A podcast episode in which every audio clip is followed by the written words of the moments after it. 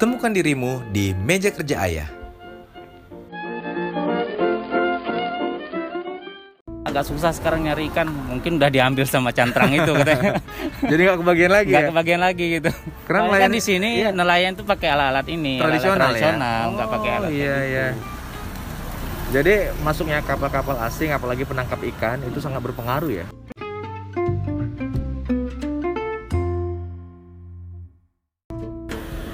Balik lagi di meja kerja ya bersama saya di Zulafandi dan kali ini sangat spesial karena kita sedang berada di Natuna, Provinsi Kepulauan Riau dan sudah bersama kita siapa nih? Bang, kenalin diri dulu dong.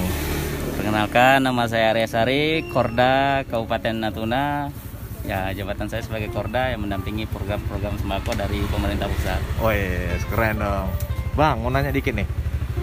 Kan sekarang yang lagi booming itu, yang lagi kekinian adalah program bantuan sosial tunai untuk KPM sembako non PKH. Bener nggak ya? benar-benar Gimana kondisinya di Natuna? Alhamdulillah eh, sekarang Natuna mendapatkan eh, kuota sebesar hampir 5 ribuan 5 ribuan. KPM eh, dan terrealisasi 4 ribuan KPM. Seribuan lagi untuk tahap 6 kemarin, eh, tahap 5 kemarin eh, berhalangan hadir karena nggak ada di Natuna.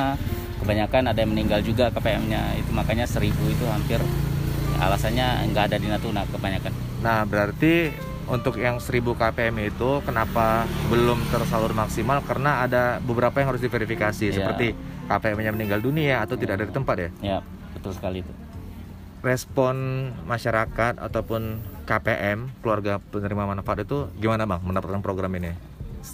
terus terang sangat senang sekali Ah, kayaknya senang ya? mendapatkan bantuan dari pemerintah pusat karena lagi musim pandemi ini Iya mata pencarian dari masyarakat kan berkurang juga. berkurang ya. Nah, dengan adanya bantuan ini setidaknya eh, biaya pengeluaran mereka terbantu dengan eh, adanya program bantuan PST ini yang khususnya 500.000 untuk eh, KPM sembako.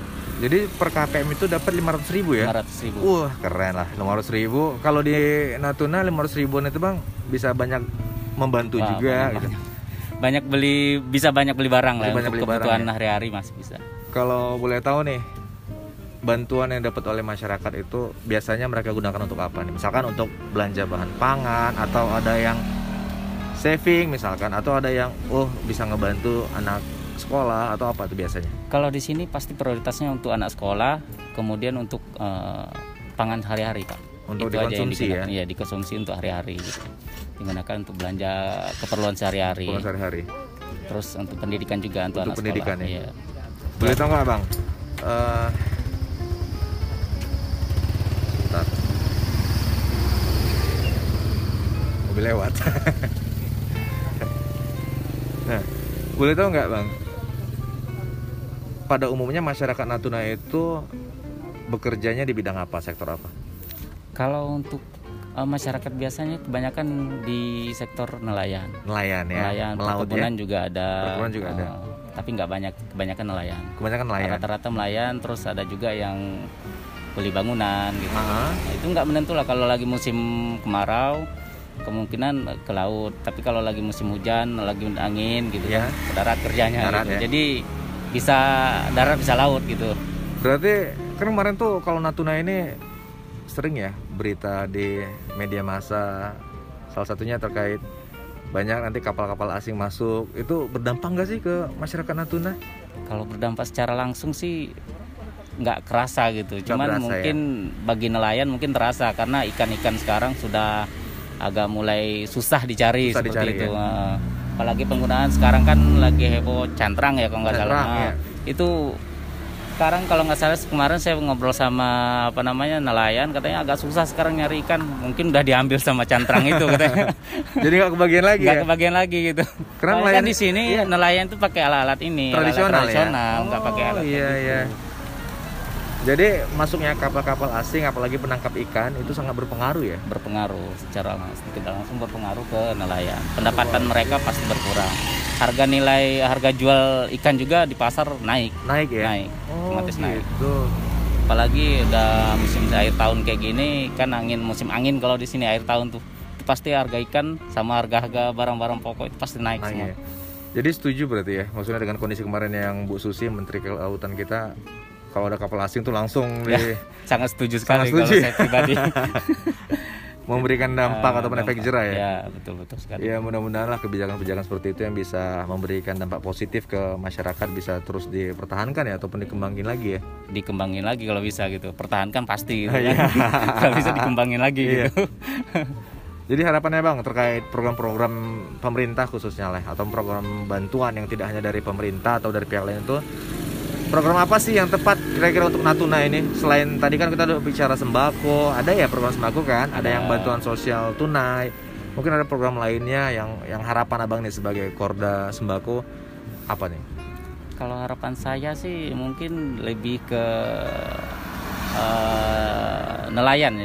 nelayan ya Soalnya kan nelayan kita kan rata-rata memang pakai alat tradisional harap Iya. dibantulah sama pemerintah pusat agar eh, memberikan fasilitas Iya, karena kalau mereka sendiri yang itu kan besar anggarannya jadi Iya. nggak mampu kalau jadi untuk nelayan sih kalau saya lihat soalnya di sini kan rata-rata kebanyakan melaut laut ya. Nah, itu aja sih pak Jadi pemberdayaan masyarakat khususnya yang bermata pencarian sebagai nelayan Hmm. bisa dibantu mungkin dengan peralatan ya, gitu ya seperti itulah pak atau mungkin ada edukasi bagaimana mengelola hasil tangkapan ini supaya lebih punya value, lebih Ya, punya nilai gitu bisa ya. jadi pak seperti itu Jadi bisa menambah pendapatan juga ya. Hmm, itu juga tuh pak soalnya kan selama ini untuk untuk ikan-ikannya itu kan itu di luarnya di dijualnya di luar negeri Di luar negeri ya. Hmm. Oh banyak diekspor ya? banyak Dari sini diekspor kan ya? juga dari kapal Hong Kong kan sering masuk juga dulu sebelum pandemi Sebelum sekarang kan pandemi ya. udah Kurang ya. kurang makanya pendapatan ikan tuh sekarang tuh pekerja-pekerja ikan tuh kalau yang khusus untuk nilai jual yang ini yang harga ikannya mahal itu itu sekarang udah stop gitu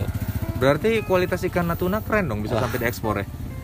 kalau menurut saya sih keren Keren ya, mantap ya. Eh, sampai Hong Kong masuk di Sebenarnya sini Bang gitu ya? kan Wah, mantap. Jenis ikan apa Bang yang paling banyak di Natuna yang nilainya biasanya tuh besar gitu? Iya, Napoleon Napoleon ya? Napoleon Wow. Hmm, Napoleon itu salah satu penghasilnya di sini Berapaan tuh sekilo tuh? berapaan ya saya kurang tahu juga per sih. ekor tuh biasanya sih umumnya hampir 300-an mungkin yang satu kilonya mungkin dijual 300.000 ribu satu Iya, kilo ya? iya. Satu ikan bisa berapa kilo? tergantung sih Pak. Umumnya, Ada- maksudnya yang umumnya satu biasa. kiloan lah Sekiloan ya? Hmm, Lumayan ya? lumayan. 300.000 ribu ya? Jadi pantas aja ya kalau banyak kapal-kapal asing kesini ya? ya itulah mungkin salah satu alasan mereka ke sini ya karena sumber daya alam Natuna khususnya ya? laut gitu kan Karena memang Natuna ini kalau kita lihat para sahabat ayah sangat strategis di antara Malaysia, Ya. Singapura, Kamboja, Vietnam, Thailand, bahkan juga bisa Brunei Darussalam juga bisa. Jadi memang sangat sangat strategis bang ya. sangat strategis Dan tantangannya pasti banyak. gitu. banyak sekali di Iya. sini. soalnya tuh pasti ada aja kapal nelayan luar tuh masuk di lokasi kita di daerah kita itu aja sih mungkin uh, yang harus diperhatiin benar diperhatiin sama pemerintah pusat jangan sampai ya laut kita dijajah sama mereka gitu Mudah-mudahan enggak. Ah, mudah-mudahan enggak Amin. gitu, amin. Ya. Sama-sama bekerja sama pemerintah dan Ya, masyarakat ya. ya betul betul Nah, boleh tahu nggak Bang Ari, kenapa masyarakat di luar sana harus mampir ke Natuna? salah satunya Natuna unik Natuna unik ya? Banyak tradisi tradisional sini masih yang belum kebanyakan orang Natuna eh, orang Indonesia tuh belum tahu di Belum Natuna tahu itu ya? Oh. seperti apa gitu makanya harus kunjungi sini kalau mau tahu gitu. Wih, so iya, asik. Jadi semua kita harus menyempatkan diri mampir ke Natuna karena Natuna adalah gerbang utara gerbang utara Indonesia. Indonesia Oke, baik. Terima kasih Bang Ari. Sampai ketemu di lain kesempatan. oke Bye bye. Assalamualaikum warahmatullahi wabarakatuh. Waalaikumsalam. Ini kerja aja.